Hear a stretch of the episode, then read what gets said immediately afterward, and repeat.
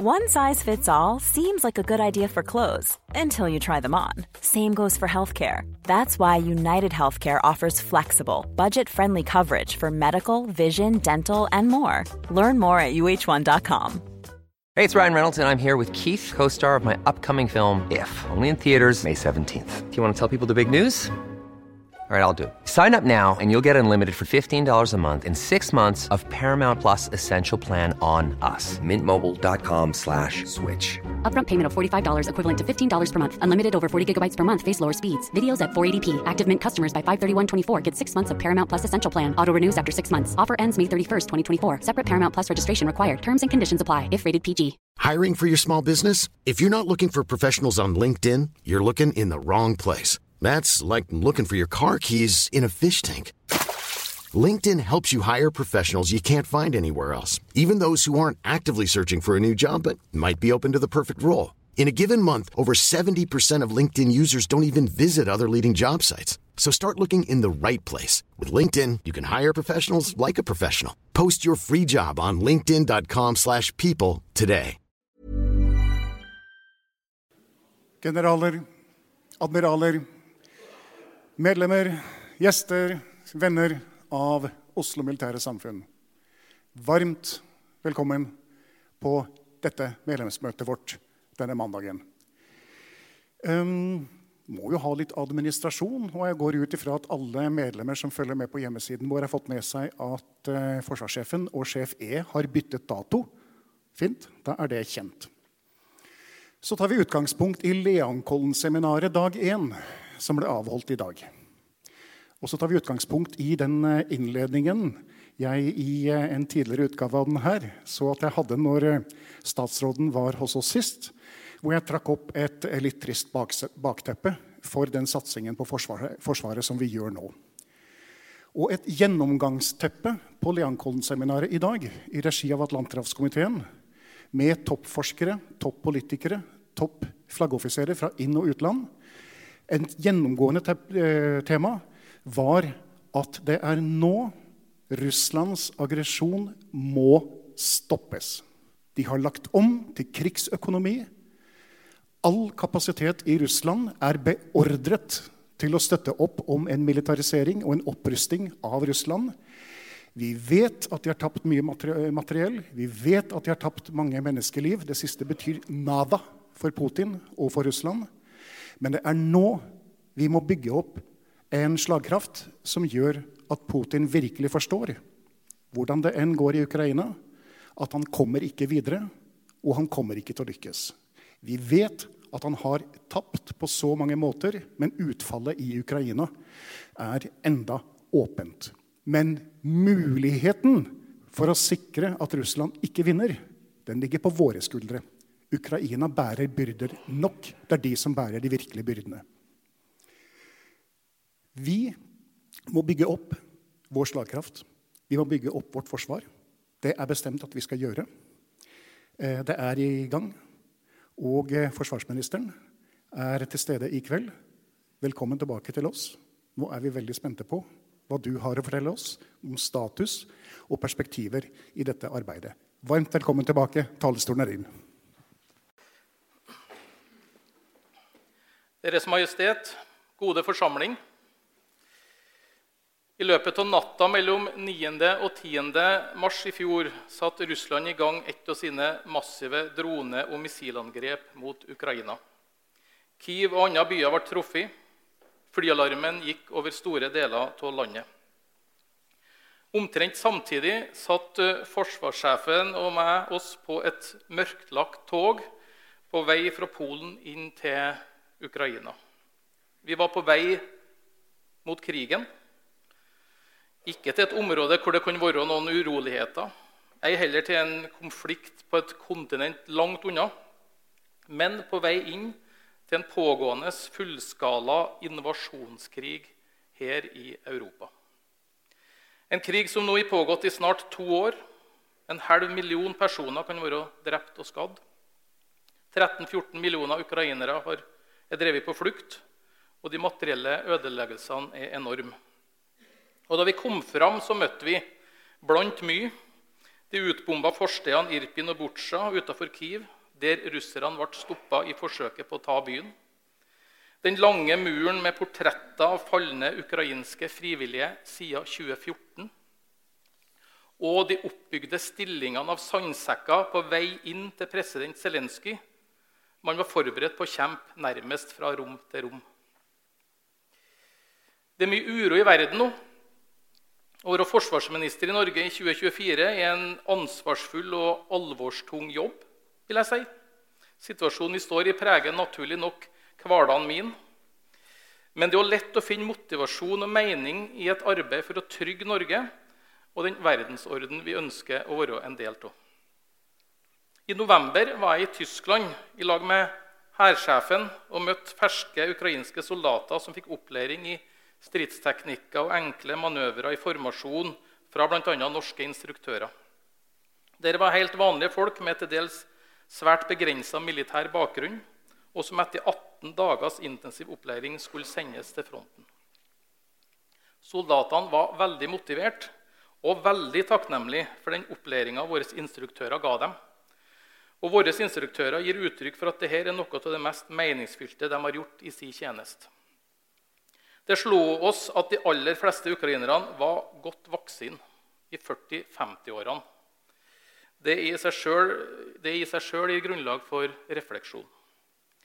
De fortalte at noen av dem som eh, tilhørte det kompaniet de skulle være en del av, var blitt plukka av bussen på vei fra Ukraina og sendt rett til fronten i stedet for til trening i Tyskland. Og Mens treninga i Tyskland pågikk, hadde de fått melding om at noen av kameratene var drept i kamphandlingene. Og Da jeg gikk rundt og snakka med dem i en pause, så var det lett å merke ettertenksomheten og alvoret som prega dem. Om to-tre dager skulle de sjøl til det samme frontavsnittet. Det ga inntrykk, og det har vært mange sånne inntrykk de siste to årene. Det var jo ikke sånn det skulle bli. I de mest euforiske øyeblikkene etter murens fall og Sovjets oppløsning snakka man om en ny verdensorden. Nå hadde de åpne, liberale demokratiene vunnet. Det var ikke lenger noe som trua den rettsorden som to verdenskriger hadde frambrakt. Fredsdividenden ble tatt ut, for det var lite grunn til å bruke store ressurser på forsvar, sikkerhet og beredskap når trusselen var borte. Planene for det kollektive forsvaret i Nato trengte ikke lenger vedlikehold og utvikling. Kina ble med i WTO med forventning om at integreringa av den kinesiske økonomien med Vestens ville følges til åpenhet og demokratisering.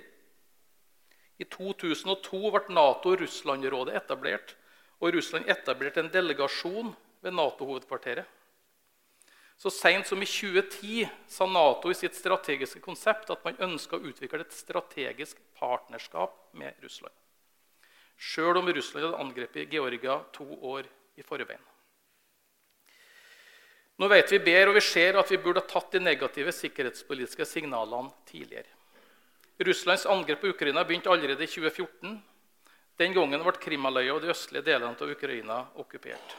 Vestlige forsøk på mekling og dialog møtte døve ører. I mange år var operasjonene i Afghanistan og kampen mot internasjonal terrorisme øverst på dagsordenen i Nato. Norge satte sikkerhet i nærområdene på dagsordenen i Nato fra 2008. Og fra 2014 dreide oppmerksomheten for alvor tilbake mot kollektivt forsvar. I langtidsplanen for forsvarssektoren som kom i 2016, økte bevilgningene til forsvar. Men sjøl i den planen som gikk fram til 2020, det er nesten i går, så var det forutsatt fortsatt nedbemanning i det norske forsvaret med flere hundre ansatte. I Natos strategiske konsept som ble vedtatt i Madrid i 2022, jeg var der, står det at Russland er den største trusselen mot europeisk sikkerhet. Krigen i Ukraina har endra verden. Vi er kasta inn i dyrtid. Den globale matforsyninga er satt under press. Millioner er på flukt. Krigen bidrar til å legge enda sterkere press på Europas evne til å ta imot et stadig større antall flyktninger og asylsøkere. Denne utviklinga i Putins favør. Han trenger ikke å forholde seg til en hjemlig opinion som krever en slutt på galskapen. Vi må forstå at spirene til Russlands vei mot demokratiet etter kommunismens fall for lengst er knust. Så langt vi kan se, er det ingenting som tyder på at Russland blir som oss. De få russere som tør å protestere, settes i fengsel eller sendes i krigen. Der brukes de som kanonføde. Det er ingen opposisjon, det er ingen pressefrihet. Det er ikke noe sivilsamfunn som tillates å representere noen form for motkraft mot det stadig mer autoritære regimet. Og Den innenrikspolitiske utviklinga vi over tid har sett i Russland, har også hatt sin parallell utenriks. Putin slo allerede i 2005 fast at Sovjetunionens oppløsning var den største geopolitiske katastrofen i det 20. århundret. Han har handla deretter. Spillereglene nedfelt i folkeretten settes til side til fordel for en tankegang om interessesfærer og en stormakts rettigheter i sine nærområder. Vi så det i Georgia, og vi har sett det i andre deler av Kaukasus, Moldova, i Afrika og selvsagt i Ukraina. Jeg skjønner godt at de nå frie nasjonene som en gang var en del av Sovjet, eller innenfor østblokken, er skremt av denne utviklinga. Og som det ikke er nok, så ser vi at krigen har sveisa Russland og Kina kjetter i hop. Kinas voldsomme militære oppbygging og aggressive atferd mot sine naboer gir grunn til stor bekymring. Kinas forsterka støtte til Russland underbygger dette. Begge regimene sier de ønsker en ny verdensorden. Og Det blir ikke bedre til at Iran og Nord-Korea trekker stadig kjetter inn i denne alliansen og nå bidrar betydelig til Russlands krigføring i Ukraina. Denne utviklinga lover ikke godt for verken demokratibygging, samhandel eller fredelig sameksistens. Interessekonfliktene mellom autoritære stater og Vesten har blitt tydeligere, og den internasjonale rettsorden svekkes. Vi har altså sett en forverring av den sikkerhetspolitiske situasjonen over tid. Men Russlands fullskala invasjonsforsøk mot Ukraina er like fullt et tidsskille. Det er et før og etter 24.2.2022. En ny epoke i internasjonal politikk. Våre nabo i øst har vist vilje og evne til å bruke militærmakt mot en annen fredelig og demokratisk nabo. Denne nye situasjonen vil være med oss i lang tid framover og vil dermed måtte prege de veivalgene vi tar. I en tid med økt uforutsigbarhet og økt risiko for konflikt må vi evne å tilpasse oss. I alliansen, i lag med allierte og likesinnede og her hjemme. Dette er ikke en pause, en parentes i historien, men et tydelig brudd. Og vi må behandle den situasjonen vi nå står i, som akkurat det. Vi må skjønne at dette går ikke over med en slutt på krigen i Ukraina. Hvor mye vi enn ønsker det. Så langt vi kan se framover, står vi i en rivalisering om verdier og verdenssyn mellom demokratier og autoritære regimer. Sjølsagt kan ting endres til det bedre. Det er jo det vi ønsker å arbeide for. Skal vi finne løsninger på de globale utfordringene verdenssamfunnet står overfor, som klima, fornuftig bruk av ny teknologi, så må vi finne ut av det med stormakten Kina.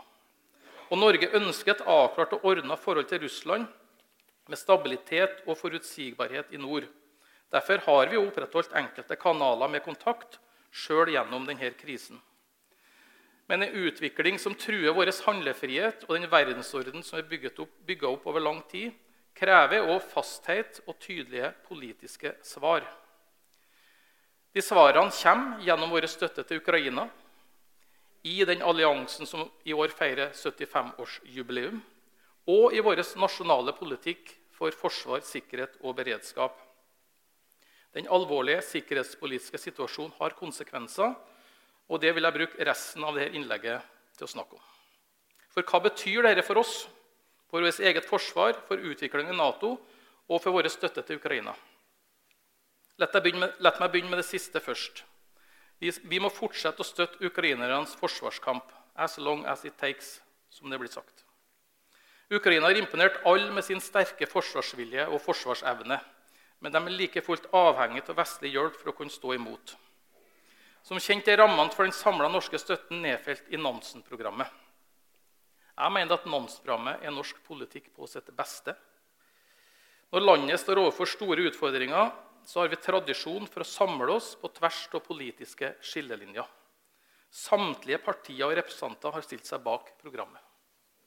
Støtta er omfattende og fleksibel, og ikke minst er den langsiktig.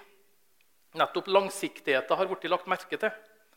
Og Nylig så vi at Danmark presenterte en flerårig plan, og at EU òg landa en flerårig avtale om støtte.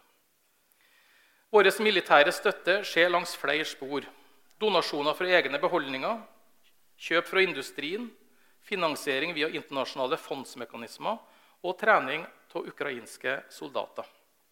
Treningsinnsatsen vår er svært omfattende, vil jeg si. Noe som kanskje ikke har kommet så godt fram i offentligheten. Men tatt høgde for noen variasjoner, det vil svinge litt, så har vi løpende opp mot 300 instruktører i sving rundt i ulike treningsmisjoner til hver tid. Tyngdepunktene er i Storbritannia, Tyskland og Norge, men vi har også andre initiativ i bl.a. Danmark og Litauen. Vi har donert mye materiell. Først materiell som var fasa ut, eller på vei til å bli fasa ut. Men stadig mer òg fra de beholdningene vi mener vi trenger å ha sjøl, og helst vil bygge videre opp, ikke sende ifra oss.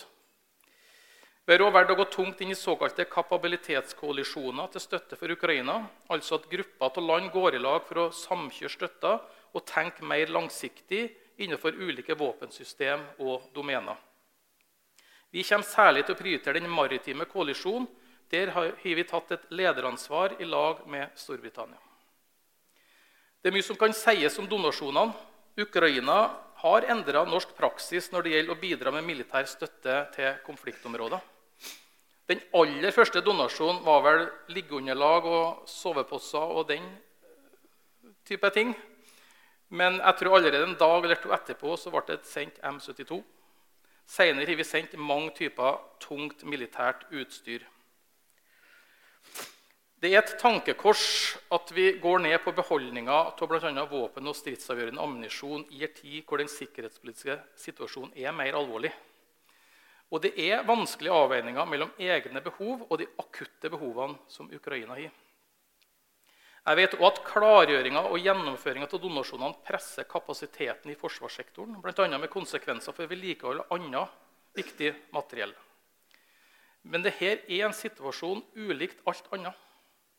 I lag med allierte og partnere står vi for friheten og selvstendigheten til et annet demokratisk europeisk land. Det er viktig, og det er rett. Gjennom støtta til Ukraina står vi opp for vår egen og hele Europas sikkerhet. Vinner Putin fram i Ukraina, er det ingen grunn til å tro at han stopper der. Den internasjonale rettsorden er under angrep, og det er alvorlig for et land som Norge. Vi henter jo andre positive effekter ut av vår støtte. Lett meg nevne Det Det er mye innsikt, kunnskap og lærdom å hente fra den striden som pågår. Og Forsvaret systematiserer den innsikten Ukraina-støtten og kontakten med ukrainerne gir oss. Det er bra. Jeg tror også at Den omfattende treningsaktiviteten bygger betydelig kompetanse til det norske personellet som bidrar. Og det blir etter hvert ganske mange. En indirekte effekt av donasjonene er dessuten at vi også får modernisert deler av vårt materiell når vi gjenanskaffer det. La meg i forlengelse av det si kort noe om forsvarsindustrien og produksjonskapasitet. Dette har vært og er et viktig tema i Norge og internasjonalt. Vår vestlige forsvarsindustri har vært tilpassa en fredstidsproduksjon, mens Russland som det ble satt innledningsvis, nå produserer for krig. Med de knappe lagrene som vi og de fleste andre har, kan dette ikke fortsette. Heldigvis har forsvarsindustrien trappa opp investeringene kraftig, og det er da òg et kommersielt grunnlag for det. Utfordringa er at det tar tid. Det kan være lang leveringstid på maskiner og annet produksjonsutstyr. Og bedriftene har utfordringer med å få kapasiteten blant svært mange underleverandører til å henge i hop med sin egen produksjonsøkning. Fra regjeringas side har vi gjort en rekke tiltak for å legge til rette for økt produksjonskapasitet. Annet har vi framskynda og plassert noen svært store ordrer. Det har lagt grunnlaget for at Nammo kan flerdoble sin produksjonskapasitet av artillerigranater. Vi har tatt Norge inn i EU-programmene ASAP og EDIRPA med omfattende finansiering. Snart kommer ASAP-tildelinga, og med god uttelling kan det bidra til ytterligere milliardinvesteringer i økt produksjonskapasitet blant sentrale aktører i norsk forsvarsindustri. Og nå Nylig presenterte vi ytterligere milliardbeløp for å finansiere økt produksjonskapasitet. Jeg vil også legge til at vi fra 1. januar, fra 1. januar i år får ukrainske myndigheter kjøpe militært materiell direkte fra den norske forsvarsindustrien. Det er ytterligere et grep for å bidra, best mulig, å bidra best mulig til Ukrainas forsvarskamp. Men vi må arbeide videre med den vestlige produksjonskapasiteten. Den innsikten jeg har i hva som skjer blant allierte og partnere, gir grunn til utålmodighet. Både vi og andre må se videre på grep for å få produksjon. Ikke minst vil et samarbeid mellom land være viktig. En del av de vurderingene må òg handle om industriens beredskapsrolle og hvordan industrien i et samspill med Forsvaret kan styrke beredskapen og forsyningssikkerheten i Norge. La meg zoome litt ut igjen til den markante og vedvarende endringa i rammebetingelsene for norsk og alliert sikkerhet. Under den kalde krigen baserte vi forsvaret av Norge på et stort mobiliseringsforsvar og en kommandostruktur i Nato som kjente Norge og norske nærområder. Etter den kalde krigen tok krisa utenfor Natos kjerneområde nesten all oppmerksomhet, og vi utvikla innsatsforsvaret som strategisk innretning. Vi fikk en kommandostruktur i Nato som kjente Afghanistan bedre enn Natos heimebane. I Norge var utviklinga kjennetegna at vi reduserte strukturen kraftig, med større innslag av stående styrker med, med moderne materiell. Vi stengte ned og solgte ut baser. Regjeringa vil foreslå en ny strategisk innretning for forsvaret av Norge. Vi må innrette forsvarsinnsatsen mot å forebygge konflikt i kontinuerlig og tett samvirke med allierte. Vi må regne utviklingen Nato de siste årene som svært positivt, sett med norske øyne. Nå handler det igjen om kollektivt forsvar. Det blir tettere koblinger mellom Natos operasjonsplanlegging og forsvarsplanlegginga. Nye regionale planer er kommet på plass, og kommandostrukturen tilpasses. Det viktigste for Norge nå er at Joint Force Command Norfolk blir oppbemanna så raskt som mulig, og at vi kan samle bl.a. hele Norden under samme kommando og under samme regionale forsvarsplan, med tilhørende underliggende kommandostruktur. Norge har allerede bra med personell i Norfolk, men dette skal likevel økes betydelig de nærmeste par årene. Vi må forvente at Sverige blir medlemmer i Nato om svært kort tid. Det kan virkelig ikke vente lenger. Finsk og svensk Nato-medlemskap og en del av det tidsskillet vi står til, det er en stor endring i Norges sikkerhetspolitiske omgivelser med et samla Norden i Nato. At landene så tydelig har valgt si, styrker vår sikkerhet. Norden får en helt annen posisjon og oppmerksomhet i Nato. Natos grense mot Russland er fordobla. Og Russland har signalisert at de vil, de vil øke sitt militære nærvær i grenseområdene. Utviklingen gir derfor både utfordringer og muligheter for norsk sikkerhet.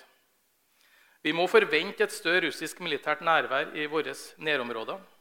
Vi må være forberedt på at Russland revurderer sine planer og hvor de plasserer sine styrker, som et svar på finsk og svensk Nato-medlemskap. Forsyningslinjene til Kola går langs finskegrensa, og vi må følge nøye med på hvordan Russland håndterer sånne sårbarheter. Med Østersjøen som nærmest et alliert innhav kan vi heller ikke se bort fra at Russland framover vil legge større vekt på Kolaløya, samtidig som spenningsnivået i Østersjøen kan bli høyere. Det som skjer i ett område, kan ha overslag til det andre. Sverige og Finland i Nato gir oss mulighet til å koordinere og planlegge forsvar i lag med våre nordiske naboer på en helt annen måte enn før. F.eks. utgjør den samla nordiske kampflyflåten en formidabel forsvarskapasitet. Nato vil forvente at Norden tar et større ansvar for egen sikkerhet, og at de nordiske landene samla og hver for seg bidrar mer til europeisk sikkerhet. Regjeringa ønsker at Norden skal bli den mest integrerte regionen i Europa. Det åpner seg nå helt nye muligheter og innenfor sikkerhets- og forsvarspolitikken. Vi skal samarbeide tett Ryan Reynolds her fra Mint Mobile. prisen the price alt som går opp up during inflation, we vi skulle bringe our prices down. So to help us, we brought in a reverse auctioneer, which is apparently a thing.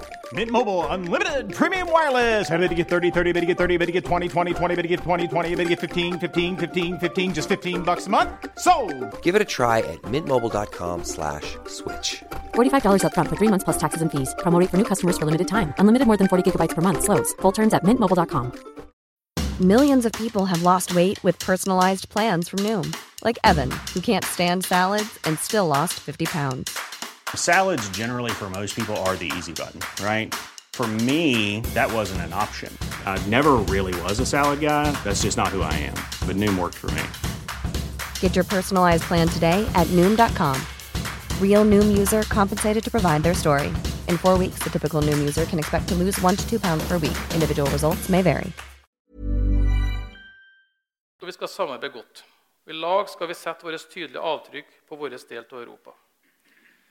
For Norge representerer finsk og svensk medlemskap noe nytt som vi må ta inn over oss i vår egen planlegging og innretninga av styrkene våre. Vi skal ikke bare forsvare Norge i nord. Vi skal ikke bare bidra med styrker til kollektivt forsvar av allierte i sør. Men vi skal òg bidra med styrker til å forsvare Finland og Sverige i øst. Vi skal ikke bare motta forsterkning og forsyninger til eget forsvar, men òg motta forsterkning og forsyninger til Finland og Sverige. Vi skal dessuten forsvare forsyningslinjene inn mot Norge, beskytte mottaksområdene og bidra til at forsterkning og forsyninger faktisk kommer fram. Vi går fra rollen fra i stor grad være et mottaksland til å være et land som òg skal sørge for transitt og bidra med militær kapasitet til å forsvare vår region i lag med naboene. Vi må utvide perspektivene til å omfatte hele Norden, og i særlig eh, Nordkalotten. Disse, utviklingstrekkene gjør noe med hvordan vi tenker struktur, kapasitet, volum, fleksibilitet, utholdenhet. Det pågår et omfattende arbeid på alle nivå for å ta tak i disse mulighetene. Og da snakker jeg om forsvarssjefen, om forsvarsgreinene, de andre etatene i forsvarssektoren, materielldirektøren, på embetsnivå i Forsvarsdepartementet og på politisk nivå for å utrede og utvikle de mulighetene som et samla Norden i Nato gir. Betydningen av at allierte styrker trener og øver i Norge, har økt. Det dreier seg ikke bare om å kjenne, kjente norsk terreng og norsk klima.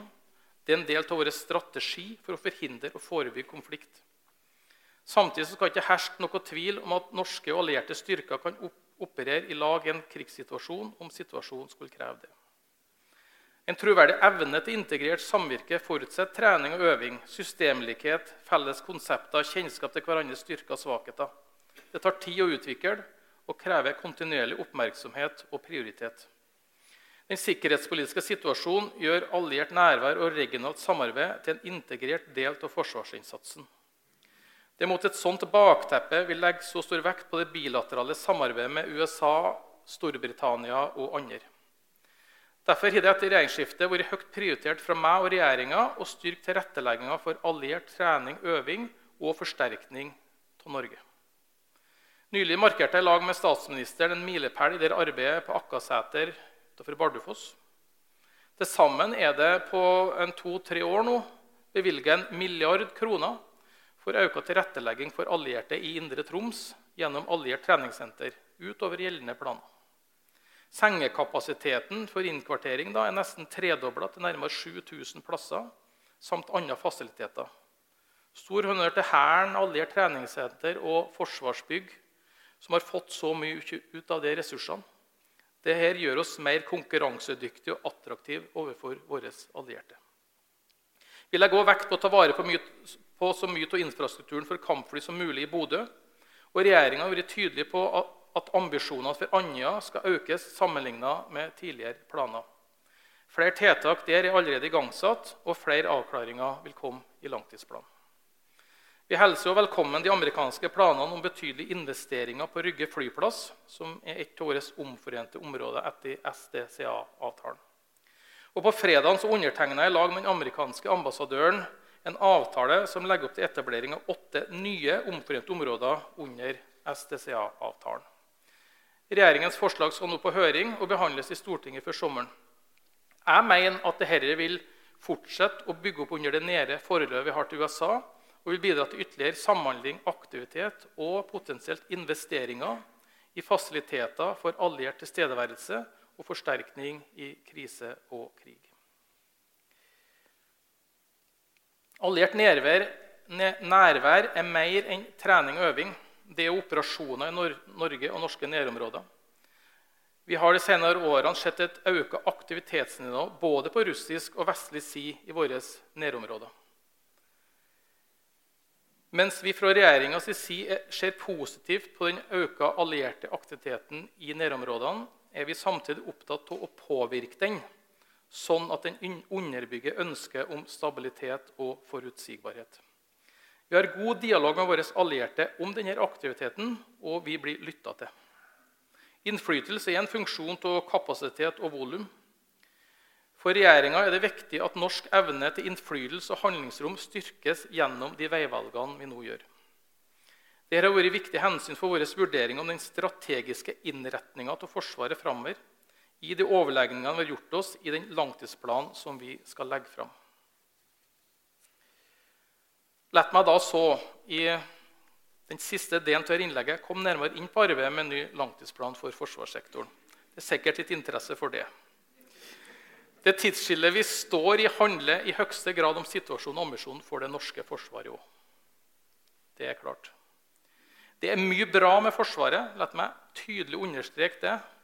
Bl.a. når det gjelder alle de dedikerte folkene, flinke folkene vi har i forsvarssektoren, og de topp moderne kapabilitetene som vi faser inn. Men vi er ikke tilstrekkelig rusta for den situasjonen vi nå møter. Det er derfor det raskt etter regjeringsskiftet ble satt ned to kommisjoner, en forsvarskommisjon og en totalberedskapskommisjon. Det er 30 år siden sist vi hadde en forsvarskommisjon, i kjølvannet etter murens fall. Da sto vi jo et tidsskille. Og Det er også derfor at regjeringa har jevnlige møter med Stortinget før vi legger fram forslag til en ny langtidsplan. Formålet er å etablere en felles virkelighetsforståelse og se på mulighetene for en brei enighet om hovedlinjene i en ny langtidsplan. Før jeg kom hit i dag, hadde jeg et nytt sånt møte med utenriks- og forsvarskomiteen. Igjen søker vi til det beste i norsk politikk. vil jeg si. Brei samling når store ting står på spill for nasjon. Og Vi er nå i et landskap der forsikringspremien øker. Vi må bruke mer av samfunnets ressurser på forsvar, sikkerhet og beredskap. Vår evne til å forebygge, avverge og håndtere en krise eller krig må styrkes. Så tar det lang tid å bygge opp forsvarsevne. Fra ett år til neste er mye bundet opp. Vi må tenke langsiktig, men det å tenke langsiktig skal ikke stå i veien for å fatte beslutninger her og nå. Vi har da heller ikke venta på at en ny langtidsplan skal legges fram. Som tidligere nevnt er det tatt en rekke grep for å tilrettelegge for allierte. Vi har gjort styrkinger og omprioriteringer for å sikre økt tilstedeværelse og situasjonsforståelse i våre nærområder, interesseområder. Vi har styrka innsatsen for forsyningsberedskap og starta tilrettelegging for langsiktig vekst, ikke minst med å ta tak i personellutfordringene. Oppbemanninga skjer raskere enn forutsatt, og vi øker utdanningskapasiteten betydelig. Vi har også tatt viktige grep for å løfte et altfor undervurdert område, nemlig eiendom, bygg og anlegg, EBA. Heimevernet styrkes, det samme med Etterretningstjenesten. Lista er ikke uttømmende, men det gjenstår uansett svært mye. Og Vi må som jeg sa, tenke langsiktig. Derfor også den grundige innhentinga av råd og forankringa av prosessen med ny langtidsplan. Regjeringa ønsker å utvikle og tilpasse den grunnleggende ideen som Forsvaret av Norge bygger på det som gjerne kalles Forsvarets overordna strategiske innretning. Norges sikkerhet må forsvares hver dag på og utenfor norsk territorium. Først og fremst for å forebygge og hindre at andre direkte eller indirekte påtvinger Norge sin vilje med makt, og om nødvendig ved å handle og svare med makt dersom det skjer. Regjeringa baserer sin strategiske innretning på Forsvaret på at forsvarsinnsatsen i første rekke må og rettes inn mot å forebygge konflikt i kontinuerlig og tett samvirke med allierte. Sivilmilitært samarbeid og samarbeid med private aktører skal underbygge dette. Norge og Forsvaret må likevel være forberedt på at konflikt kan bryte ut. Vi må kunne svare tidsriktig og i lag med allierte. Dette stiller økte krav og forventninger til Forsvaret. Og så skal Forsvaret ha høye forventninger til oss som er politikere og beslutningstakere om å sette Forsvaret i stand til å møte disse utfordringene. Evne til å operere i lag med allierte fra første stund for å forsvare Norge eller allierte mot fiendtlige angrep blir helt avgjørende. En sånn innretning krever for det første styrking av evnen til innflytelse og økt nasjonalt handlingsrom for å ivareta stabilitet i våre nærområder. For det andre må Forsvaret innrettes for kontinuerlig anvendelse og innsats hjem og ut i en alliert ramme. Tidsskillet innebærer et behov for flere og mer tilgjengelige styrker med kort reaksjonstid, økt bemanning, evne til rettidig tilstedeværelse i prioriterte områder og samvirke med allierte styrker. En styrking av nasjonal evne må ha en innretning som understøtter tett integrert alliert samvirke i hele konfliktspekteret, ikke minst for å understøtte Nato som en effektiv garantist for norsk og alliert sikkerhet. Forsvarets egenevne må styrkes, sånn at vi kan ta større ansvar for egen og alliert sikkerhet i en mer uforutsigbar og ustabil situasjon. Vi må kunne opprettholde tilstrekkelig innflytelse, handlefrihet, kontroll og forutsigbarhet i våre nærområder. Vår evne til overvåkning og situasjonsforståelse i egne nærområder er spesielt viktig for å opprettholde tilstrekkelig innflytelse og norsk handlingsrom. Vi bør òg som nevnt, prioritere å øke evnen til mottak og framføring av allierte forsterkninger som må være forberedt på avskrekk og forsvar i et langt større geografisk område. Norge skal raskt og kontant kunne respondere og engasjere en motstander for å beskytte norsk eller alliert suverenitet og territorielle integritet. En sånn evne er avgjørende for vår troverdige evne til avskrekking. Forsvaret må få en innretning som understøtter alliansens evne til å gjennomføre operasjoner med elementer fra alle forsvarsgreinene. Multidomeneoperasjoner. Vi må ha evne til å planlegge, lede og gjennomføre fellesoperasjoner som i større grad utnytter mulighetene som ligger i cyber- og romdomenet. Disse domenene vil i økende grad bli avgjørende forutsetninger for at Forsvarets avanserte og kostbare plattformer som kampfly, fregatter, ubåter osv skal virke og levere militær evne som forutsatt. Å utnytte mulighetene i romdomenet vil ha økende betydning for fremtidige militære og sivile formål. Og Satsing på nye evner og økt kapasitet i romdomenet vil bidra til å øke Forsvarets operative evne innenfor flere sentrale områder. I tillegg vil en satsing i romdomenet ha nytteverdi for samfunnssikkerhet og for sivile sektorer. La meg så si litt om balanser og ubalanser i strukturutviklinga.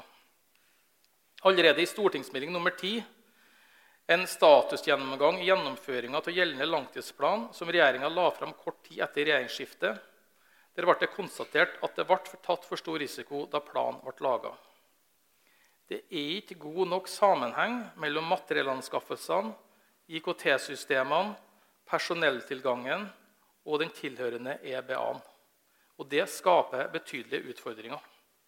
Ting blir dyrere, for vi må ha kompenserende tiltak og levetidsforlengelser i påvente av nytt materiell. Drifta påvirkes av manglende hus til folkene og materiellet.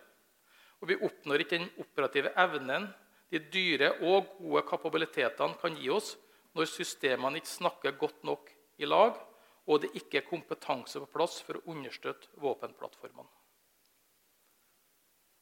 I tillegg til en ny langtidsplan har vi derfor også satt i gang arbeid med styringsendringer i sektoren. Det fører for langt å gå inn i alt det nå, men vi må se på hvordan vi får mer ut av de ressursene sektoren til enhver tid forvalter. Ikke minst når vi nå skal satse mye mer. Hensynet til en god ressursforvaltning blir ikke mindre når det skal satses mer på Forsvaret.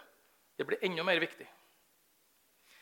Det er for mye ansvarspulverisering og for liten gjennomføringsevne i sektoren.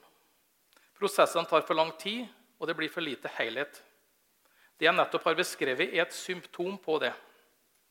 Innenfor rammene av regjeringens tillitsreform ønsker jeg å tilrettelegge for at forsvarssjefen og Forsvarets ledere skal kunne ta et større helhetlig ansvar. Det gjelder også de øvrige etatene, med Forsvarets behov som det grunnleggende utgangspunktet. Vi tydeliggjør ansvarsforhold og grensesnitt. Oppgaver blir flytta mellom etatene og mellom departementet og etatene. Og styringsinformasjonen må bedres. 2024, året i år, er et gjennomføringsår for disse endringene, og vi er allerede i gang med anskaffelsesområdet, IKT og materiellforvaltninga. Flere initiativ vil komme framover. Når vi nå skal lage en ny langtidsplan, er vi nødt til å ta de grunnleggende utfordringene og ubalansene inn over oss. Hvis vi ikke får orden på grunnmuren og bedre balanse mellom innsatsfaktorene, så blir det vanskelig å få til en ny vekst. Og jeg vil si det sånn, Vi må være forberedt på å bruke et betydelig antall milliarder kroner et betydelig antall milliarder kroner på å få driften til det Forsvaret allerede har vedtatt at vi skal ha, til å fungere bra og være i balanse før vi legger nye ambisjoner til. Det er også i tråd med det fagmilitære rådet og helt nødvendig hvis vi skal få til en bærekraftig oppbygging av Forsvaret framover. Det betyr ikke at nye satsinger settes på vent i at vi utsetter viktige beslutninger, for strukturutviklinga tar tid. Men poenget er at den som nå tror at det bare er å putte alt handlingsrommet inn på nye satsinger, den forregner seg. Personell kommer til å stå helt sentralt i den kommende langtidsplanen. Forsvarssektoren er en alvorlig vil jeg si, personell kompetansesituasjon som må følges opp raskt. Og sjøl med offensive grep og jeg nevnt at vi har satt i gang flere tiltak, så kan det hende at ting blir vær før de blir bedre. Jeg nevnte utdanningskapasiteten. som sagt. Den burde ha vært styrka for lenge siden, men nå er vi i hvert fall i gang. Så må vi prioritere tiltak for å beholde personell, bl.a. gjennom å sikre at Forsvaret blir en mer attraktiv arbeidsplass. Det vil forhåpentligvis også legge til rette for rerekruttering av personell som har slutta. Det jobbes det parallelt med dette med utarbeidelse av langtidsplan for å sikre at tiltak kan implementeres raskt. Vi ser at gjeldende langtidsplan ikke har lagt til grunn et tilstrekkelig driftsnivå på flere områder, og at det kreves flere ansatte for å realisere ambisjonene enn det som lå til grunn i planen. F.eks. er det behov for mer personell med teknisk kompetanse i Luftforsvaret for å understøtte F-35. Det handler også om at vi har gjort oss erfaringer underveis Lett meg legge til det, for hva som kreves etter norske forhold for å drifte ulike kapasiteter. EBA kommer som nevnt til å bli et annet sentralt område i ny langtidsplan. Det har vært, kraftig, har vært kraftig undervurdert i utforminga og gjennomføringa av gjeldende langtidsplan. Deler av eiendomsporteføljen i Forsvaret har ikke en akseptabel tilstandsgrad. Det er tæring på kapitalen i stedet for et vedlikeholdsnivå som tar vare på det vi har. Og det går, vet vi jo selv, det går helt fint fra det ene året til det neste. Det er ingen som merker. Men over tid er det oppskrift på krise. Situasjonen selv på kort sikt kan føre til utilsikta stans i virksomhet, restriksjoner på bruk og stenging av bygg. Så Det ene er altså kvaliteten på bygningsmassen. Det andre er kapasiteten. Nesten uansett hvor jeg er i Forsvaret, så er det her budskapet. Vi mangler kaserner, kvarter, boliger til folkene våre i Forsvaret. Og det er heller ikke fasiliteter for godt nok å ta vare på materiellet. Og Sånn kan vi ikke ha det. Det store investeringsbehovet i EBA for å gjennomføre dagens langtidsplan langt over det som er satt av og prioritert innenfor dagens rammer. Og behovet blir selvsagt enda større når Forsvaret skal vokse på toppen av det. Og Hadde jeg hatt bedre tid, nå, så skulle jeg dratt lignende resonnement om IKT-ambisjon òg. Helt eller delvis utdaterte IKT-system utgjør en betydelig risiko for forsvarsevnen vår. Det er investert betydelige ressurser i IKT på forsvarssektoren, men realiseringen av satsinga ligger imidlertid betydelig bak forutsatt plan. Og Dette påvirker den operative evnen negativt. Vi må se, på IKT som en grunnleggende forutsetning for å lykkes med den videre moderniseringa og utviklinga av Forsvaret framover. Og så vet jeg at dere gjerne vil høre enda mer om nye våpensystem og kapabiliteter. Dere får tro meg på at vi arbeider med det òg. Eh, men vi har jo fått ambisiøse råd, og sjøl med betydelige økninger i de økonomiske rammene så blir det krevende prioriteringer. Det vil vel likevel ikke komme sånn overraskelse at luftvern og maritim overflatestruktur blir blant de mest sentrale diskusjonene. Rett og slett fordi det beskrevne behovet er så omfattende. Når det gjelder luftvern, er det uten tvil behov for styrka evne utover dagens ambisjon til å kunne beskytte både Forsvarets operative evner, viktig infrastruktur og beslutningstakere. Det vil kreve en betydelig satsing på luftvern over tid. Sånn sett haster det å komme i gang. Det vil sannsynligvis være nødvendig å ta hensyn til kompetansebygging og periodisere satsing på luftvernet over noe tid. Men det betyr ikke at vi vil planlegge for å starte en videre oppbygging eh, nokså omgående. La meg si noen få ord om overflatestruktur òg. Norges militærgeografi er jo først og fremst maritim. Ved Finlands og Sveriges inntreden i Nato tydeliggjøres Norges rolle som en maritim frontlinjestat ytterligere. Norges ambisjons, operative ambisjonsnivå bør være å ha en overflatestruktur som kan være kontinuerlig til stede i de store havområdene utenfor Norge med kystvaktfartøy og kampfartøy, og samtidig kunne delta i allierte flåtestyrker. En sånn ambisjon vil kreve omfattende tiltak på kort sikt for å sikre operativ tilgjengelighet på lengre sikt. Og Så må vi komme tilbake til dette og eh, alt annet som nå er til vurdering når langtidsplanen legges fram. Den skal legges fram i år. Jeg har foreløpig ikke vært mer presis enn det. Dette handler òg om at, eh, at vi eh, nå får til en god prosess med Stortinget, og at planen blir så solid og gjennomarbeidet som mulig. Det vil være det viktigste. Det som uansett ligger fast, er at ambisjonene må løftes betydelig. Vi møter en annen verden, og statens ansvar for statssikkerheten og samfunnssikkerheten er helt grunnleggende. Om oljefondet er nærmest utømmelig, så er ikke samfunnsressursene det.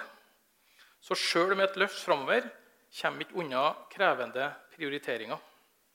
Det er mitt mål å legge fram en langtidsplan som er realistisk, godt gjennomarbeidet og balansert, og som svarer på det trusselbildet og den sikkerhetspolitiske situasjonen som Norge og Nato-alliansen nå møter. Kjære alle hop. Forrige uke var jeg på Gardermoen og tok imot Medevac-flygning nummer 100 med pasienter fra Ukraina. Jeg møtte en hardt skada troppssjef på vei til sykehusbehandling i Norge. Han hadde vært ved fronten sammenhengende i ett år, før han nå var blitt skadd. Det sier seg sjøl at han har opplevd svært mye krevende dette året. Det gjorde sterkt inntrykk å møte ham, og kanskje aller mest det at han oppi hele da, Han var tross alt skadd og skulle til behandling oppi det hele gjentatte ganger takka så inderlig for den hjelpa vi gir til Ukraina. Men kanskje er det vel så mye vi som skal takke.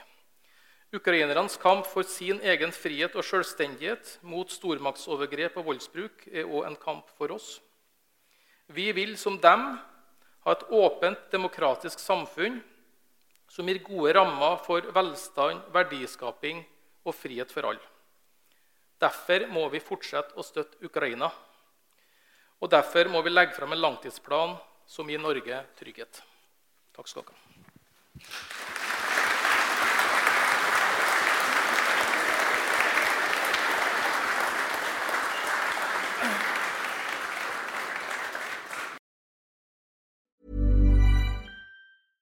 Hey, it's Paige DeSorbo from Giggly Squad. High quality fashion without the price tag. Say hello to Quince. I'm snagging high-end essentials like cozy cashmere sweaters, sleek leather jackets, fine jewelry, and so much more. With Quince being 50 to 80% less than similar brands. And they partner with factories that prioritize safe, ethical, and responsible manufacturing. I love that. Luxury quality within reach. Go to quince.com slash style to get free shipping and 365 day returns on your next order. Quince.com slash style. When you make decisions for your company, you look for the no brainers. If you have a lot of mailing to do, stamps.com is the ultimate no brainer. Use the stamps.com mobile app to mail everything you need to keep your business running with up to 89% off USPS and UPS. Make the same no-brainer decision as over 1 million other businesses with stamps.com. Use code program for a special offer. That's stamps.com, code program.